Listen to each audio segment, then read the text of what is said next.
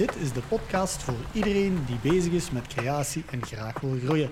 Ik ben Raf en ik ga op zoek naar antwoorden op de uitdagingen van de creatieve maker. Oh, dat is geleden van september dat ik hier nog geweest ben, denk ik. We fietsen eigenlijk dikwijls hier naar het café. Het was nog net open. Zijn weer nog een terrasje komen doen. Waar is een tijd gebleven? Een terrasje, dat zat er dus nog niet in toen ik Kathleen Voordekkers ontmoette aan de Paalse Plas. Ik ben eh, bestuurder van Opmerkelijk. En bij Opmerkelijk zijn we een eh, Branding and Communication Agency and Academy. En in mensentaal betekent dat dat we merken helpen sterker maken, zodat ze echt opgemerkt worden. Maar daarnaast gaan we ook echt wel zorgen dat die topgemerkt worden door hun uh, merk ook te helpen waarmaken in de praktijk. We zijn dan vooral bezig met branding, communicatie en klantbeleving. En Katlijn schreef het boek Topgemerkt. Een grootste klantbeleving creëren in zeven stappen. Ik was dus erg benieuwd naar haar visie en tips. In ons eerste gesprek vraag ik haar hoe we als maker klanten kunnen aantrekken. Ik denk dat bij veel makers het vaak begint met het ontwikkelen van de mensen die rondom hun merk staan. Ze gaan daar een heleboel fans vinden. Denk maar aan familie, hun vrienden. Uiteraard ook mensen die dat geïnteresseerd zijn in hetgeen wat ze doen. Maar als je echt ook nog wil uitbreiden, als je nog andere klanten wil vinden, dan is het ook wel heel belangrijk dat je begint met jezelf eerst. Met te gaan kijken van waar sta ik voor? Wat is echt mijn merkidentiteit? Van ja, waar wil ik voor gekend worden? En ik spreek er altijd over een story experience, want als je een verhaal kan vertellen waardoor dat de wereld zegt van wow, amai, hier zit body in, dan gaan ze ook veel sneller geneigd zijn om je verhaal op te pikken, om door te vertellen, om de relevantie erin te zien. Dat verhaal met body, dat maakt wel een heel groot onderscheid. En zo ga je veel makkelijker klanten vinden, omdat ze sneller weten, daarom moet ik bij hem of haar zijn. En anderzijds gaan andere mensen ook wel veel sneller over jouw merk vertellen, gewoon omdat het veel leuker is om over je merk ook te gaan vertellen. Maar wij makers hebben dikwijls veel interesses. Met één verhaal komen we er meestal niet. Het is eigenlijk de uitdaging om een aantal thema's te gaan zoeken. En als je gaat kijken naar hoe ga je een merkverhaal gaan maken, dat is best wel een pittige opdracht. En als ik het even samenvat, dan vertrek je eigenlijk wel vanuit een, bepaald kader. En dan ga je echt wel kijken van hier is mijn, dit is mijn merkidentiteit, hier, hier wil ik echt ook wel voor staan. En dan kom je heel vaak uit bij de kernwaarden van je, van je merk. Maar toch merk ik als ik met een heleboel ondernemers praat, dat ze dat echt niet zo evident vinden om te vinden. Of ze vinden wel woorden die dat ze kunnen benoemen en dan hoor ik wel regelmatig. We staan voor kwaliteit, we staan voor uh, flexibiliteit, we staan voor deskundigheid. En dat zijn die allemaal. Maar als je echt het onderscheid wil maken, ga je moeten kijken van oké, die kernwaarden, hoe zet ik die in voor mijn klant? Als een eerste stukje. Als je dan een volgende stap gaat zetten, dat is wat is je strategische positionering? Dat heeft ook wel een invloed op je merkverhaal. Want we kunnen heel veel als maker. We, we, we zijn ook in heel zaken geïnteresseerd. En ja, je kent dat, hè, eh, Raf, als je aan een ondernemer vraagt: Oké, vertel nu een keer, wil je de beste prijs? Of wil je het beste product of dienst? Of uh, wil je vooral toegankelijk zijn? Of wil je heel sterk op maat werken? Ja, wat zeggen die? We willen dat allemaal. Uiteraard, die willen dat eigenlijk allemaal. Maar toch, als je je merkverhaal wil vormgeven, dan werkt het wel sterk om één van de twee te gaan kiezen waar, waar dat je op wil excelleren. En één van de twee te gaan kiezen waarin dat je wilt differentiëren. En excelleren is echt dat je de topfavoriet bent.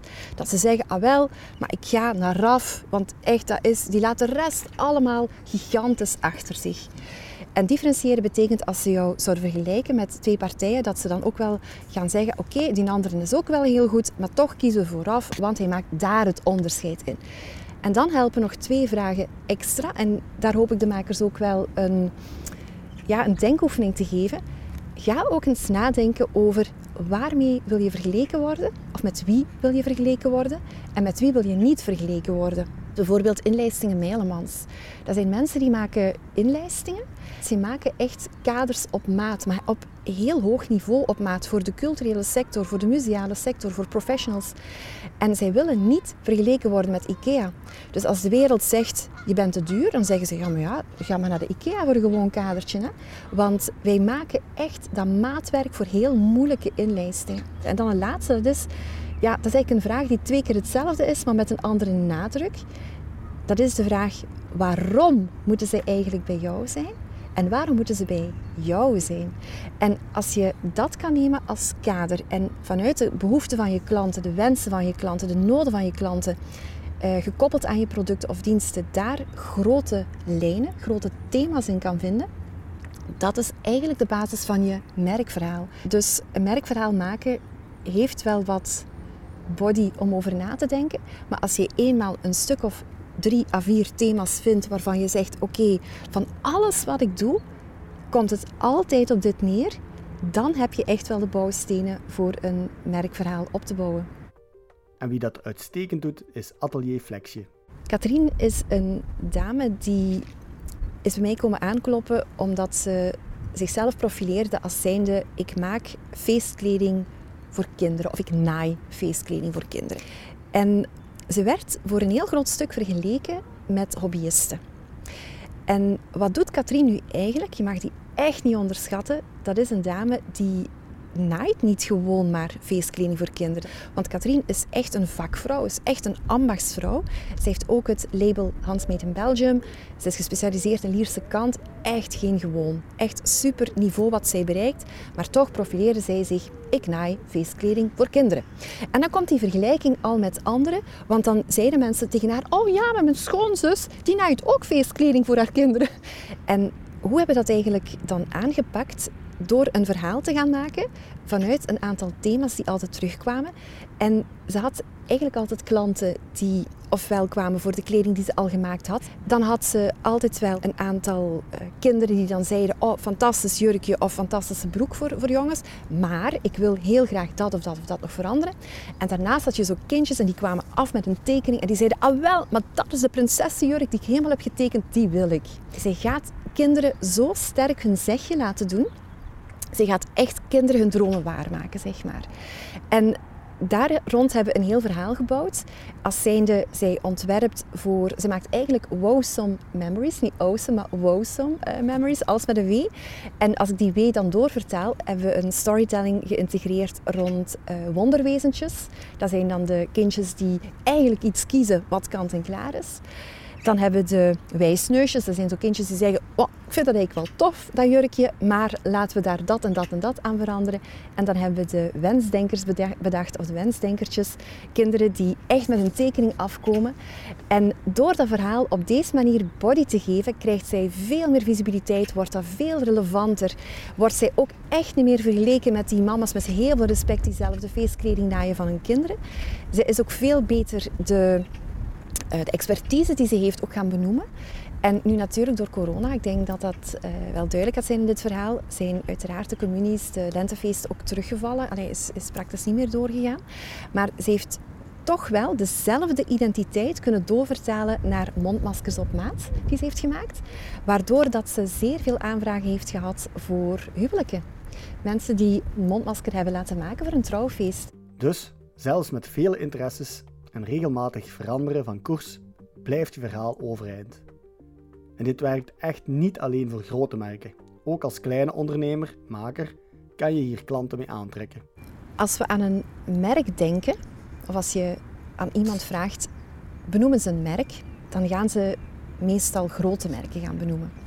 Omdat kleinere ondernemers of, of kleinere bedrijven of zelfstandigen, die associëren zichzelf niet altijd met een merk. Maar wat heb je als maker, als ondernemer echt voor, en zeker de K van KMO of zelfstandigen, dat is dat ze jouw persoonlijkheid ook kunnen voelen. En dat mag je echt niet onderschatten. Maar daar zit vaak een paradox in. Want als je gaat denken vanuit de leefwereld van een maker, echte creatieve mensen, dan zijn dat vaak mensen die hun product of hun dienst naar voren schuiven. En die verschuilen zich daar vaak ook achter. Want dat zijn over het algemeen, vind ik, heel bescheiden mensen. En die hebben dikwijls ook de perceptie van, of, of, of echt het idee, de overtuiging, mijn product of mijn dienst spreekt voor zich. En verschuil je niet achter je product alleen maar. Vertel dat ook. Laat dat horen integreer die authenticiteit. Dat maakt het zo persoonlijk. En daarom kunnen kleine merken volgens mij ook heel groot zijn. Doordat er net die identificatie en die connectie met de wereld kan gecreëerd worden. Om ons boeiend gesprek vandaag mee af te sluiten, gaf Katlijn nog drie belangrijke tips mee. Zorg dat je heel dicht bij jezelf blijft als je een merk gaat maken. Ook al zelfs als er mensen zouden zijn die ook met, met personeel of met andere freelancers werken, zorg dat je toch heel dicht bij jezelf blijft. Want het gaat niet alleen over een persoonlijkheid altijd, maar soms ook over de spirit die dat je in je merk steekt. Wees ook kritisch en uh, maak ook dat je het heel eenvoudig houdt. En daar, dat is een uitspraak die ik heel graag gebruik. Dat is, uh, eenvoud is niet simpel, maar is echt wel het eenvoudige resultaat van de complexe denkoefening van iemand die echt de essentie begrijpt. En dat wil ik een heel graag als tip meegeven. Ga naar de essentie, ook al doe je van alles, haal er een paar thema's uit waar dat je heel sterk in kan worden en daar het onderscheid mee kan maken.